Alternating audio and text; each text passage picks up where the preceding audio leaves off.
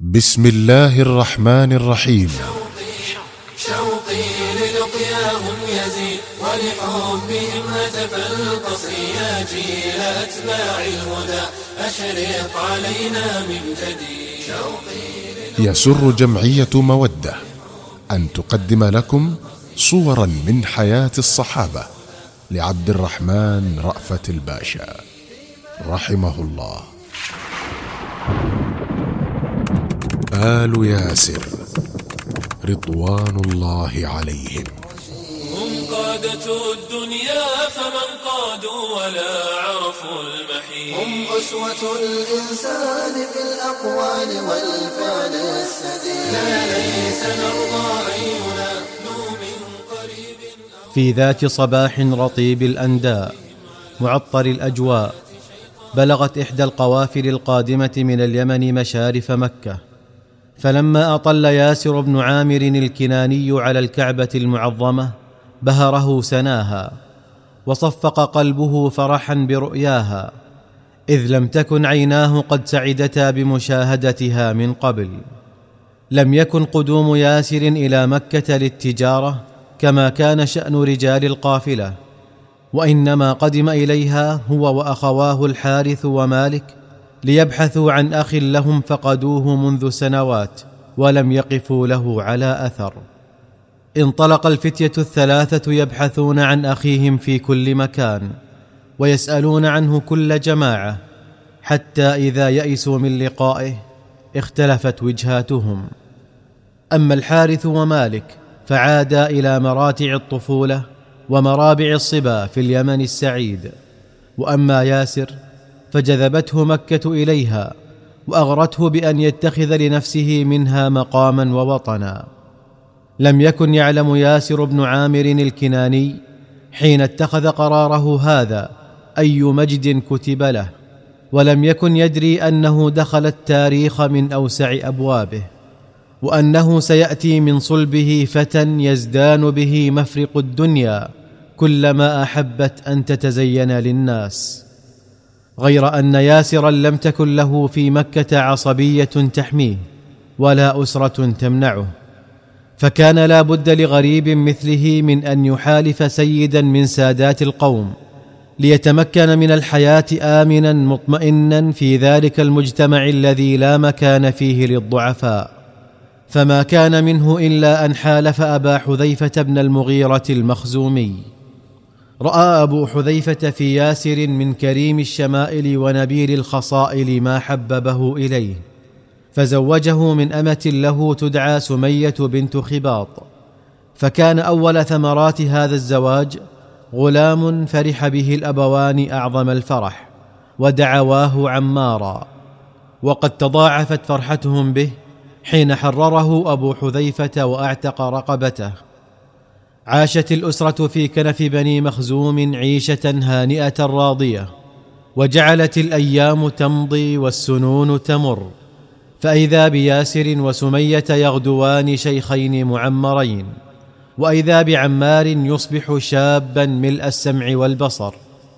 ثم أشرقت الأرض بنور ربها وانبثق من بطاح مكة ضياء غمر الكون بالخير والبر. وملأه بالعدل والإحسان. فلقد قام النبي الأمي يصدع برسالة ربه وينذر قومه ويبشرهم ويدعوهم إلى ما فيه عز الدنيا وسعادة الآخرة. سمع عمار بن ياسر أخبار الدعوة الجديدة من أفواه الناس ففتح لها سمعه وقلبه وعقله. لكنه حين وجد أن ما يصله عنها قليل ضئيل. متضارب لا يروي له غلة. قال في نفسه ويحك يا عمار ما الذي يجعلك تظمأ والمورد منك قريب؟ هيا إلى صاحب الرسالة هيا إلى محمد بن عبد الله فعنده وعند أصحابه النبأ اليقين. مضى عمار بن ياسر من ساعته إلى دار الأرقم بن أبي الأرقم وهناك وهناك سعد بلقاء النبي صلوات الله وسلامه عليه وسمع من قوله ما هز فؤاده هزا ووعى من هديه ما أترع قلبه حكمة ونورا فبسط يده له وقال أشهد أن لا إله إلا الله وأشهد أنك عبده ورسوله.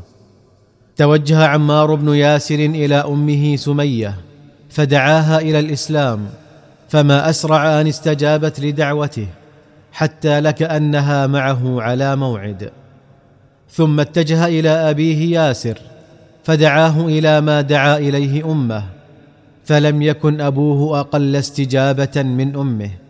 فانضم إلى موكب النور بإسلام هذه الأسرة المباركة ثلاثة كواكب ما يزال ضياؤها يغمر قلوب المؤمنين إلى يومنا هذا.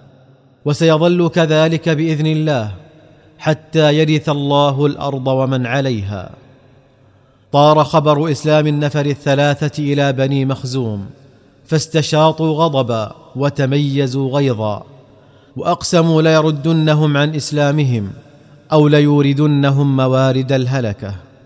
فجعلوا يأخذون الأبوين وفتاهما إلى بطحاء مكة ويلبسونهم دروع الحديد ويصهرونهم بأشعة الشمس ويمنعون عنهم الماء ويتعاقبون عليهم بالضرب. حتى إذا جفت منهم الحلوق ويبست العروق وتشققت الجلود وسالت الدماء تركوهم في ذلك اليوم ليعيدوا معهم الكرة في غداة اليوم التالي. ولقد مر بهم الرسول صلوات الله وسلامه عليه ذات يوم وهم يعذبونهم ذلك العذاب. فحز في نفسه أنه لا يملك لهم قوة ولا نصرا. ووقف عليهم وقال صبرا آل ياسر فإن موعدكم الجنة. فهدأت النفوس المعذبة وقرت العيون الشاخصة وعلت الوجوه المكدودة ابتسامة راضية. لم يطل الأمر بالشيخين الكبيرين. أما سمية فمر بها أبو جهل وهي تعذب فشتمها أقذع الشتم وأسمعها قوارص الكلام فلم تأبه له فجرد رمحه وطعنها به في أسفل بطنها فخرجت حربة الرمح من ظهرها فكانت أول من استشهد في الإسلام وحسبها بذلك رفعة ومجدا. وأما ياسر فمات تحت التعذيب وهو يشهد أن لا إله إلا الله وأن محمدا رسول الله. اشتد الأذى على عمار بعد استشهاد أبويه ولقد جاوز جلادوه في تعذيبه كل حد. وفي ذات يوم أقبل على رسول الله صلى الله عليه وسلم كاسفا حزينا خجلا. وقد حاول أن ينظر إلى النبي صلوات الله وسلامه عليه وأن يملأ عينه منه فلم يستطع أن يرفع بصره إليه. فقال له الرسول عليه الصلاة والسلام ما وراءك يا عمار؟ فقال عمار شر مستطير يا رسول الله. فقال وما ذاك؟ فقال عذبت أمس. حتى نالني من الجهد والضر ما لو نزل بجبل لصدعه.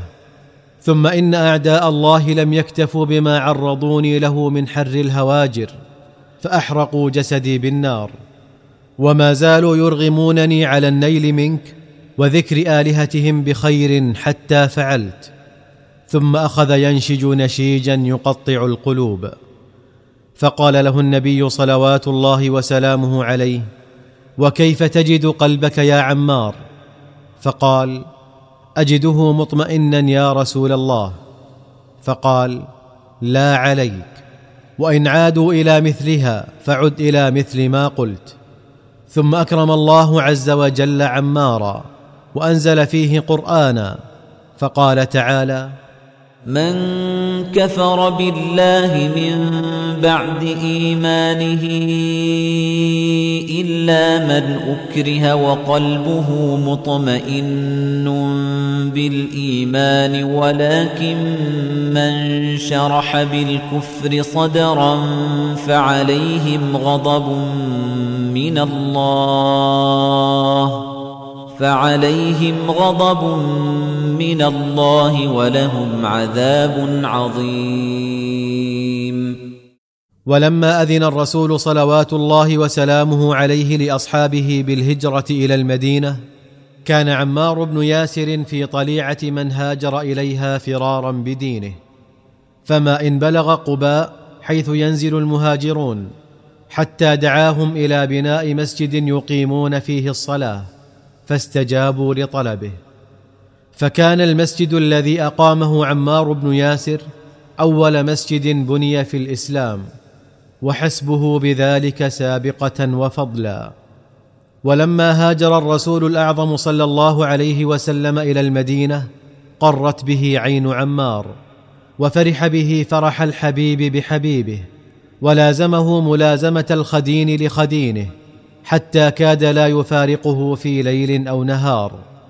وكان النبي الكريم صلى الله عليه وسلم يبادله حبا بحب.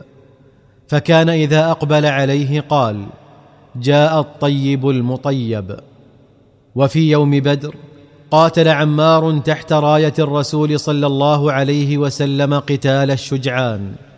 وكان المسلم الوحيد الذي خاض هذه المعركة وأبواه مؤمنان شهيدان. ولما لحق الرسول صلى الله عليه وسلم بجوار ربه وارتد أكثر العرب عن الإسلام كان له في يوم اليمامة موقف مشهور مبرور. ذلك أنه حين استحر القتل في صحابة الرسول صلوات الله وسلامه عليه وجعلت المنون تتخطف حفظة القرآن وزلزلت الأرض تحت أقدام المسلمين. عند ذلك وقف عمار بن ياسر على صخرة مشرفة وقد قطعت أذنه وبقيت عالقة برأسه وقال يا معشر المسلمين أمن الجنة تفرون؟ إلي إلي يا معشر المسلمين. ثم مضى أمامهم وأذنه تتذبذب على صفحة خده فحملوا بحملته حتى قتل مسيلمة الكذاب. وطفق الناس يعودون إلى دين الله أفواجا بعد أن خرجوا منه أفواجا. ولما آلت الخلافة إلى الفاروق ولاه الكوفة وجعل معه عبد الله بن مسعود وكتب إلى أهلها يقول أما بعد فإني قد بعثت إليكم عمارا أميرا وعبد الله بن مسعود معلما ووزيرا. وهما من نجباء أصحاب نبيكم محمد صلى الله عليه وسلم. فاسمعوا لهما واقتدوا بهما. ثم إن عمر بدا له فأقصاه عن الإمارة. فلما لقيه قال له أساءك ما فعلته معك يا عمار؟ فقال والله لقد ساءتني الإمارة أكثر مما ساءني الإقصاء عنها. رضي الله عن عمار بن ياسر. فقد امتلأ إيمانا من قمة رأسه إلى أخمص قدميه. ورضي الله عن أبيه ياسر وأمه سمية. فقد كان بيتهم بيت إيمان. صبرا آل ياسر فإن موعدكم الجنة. محمد رسول الله. بمحمد وبصحبه قد أسس الصرح المشيد يا شعر أسعفني أفض في مدحهم هل من مزيد. سلة الإيمان والتقوى أولو الأمر الرشيد.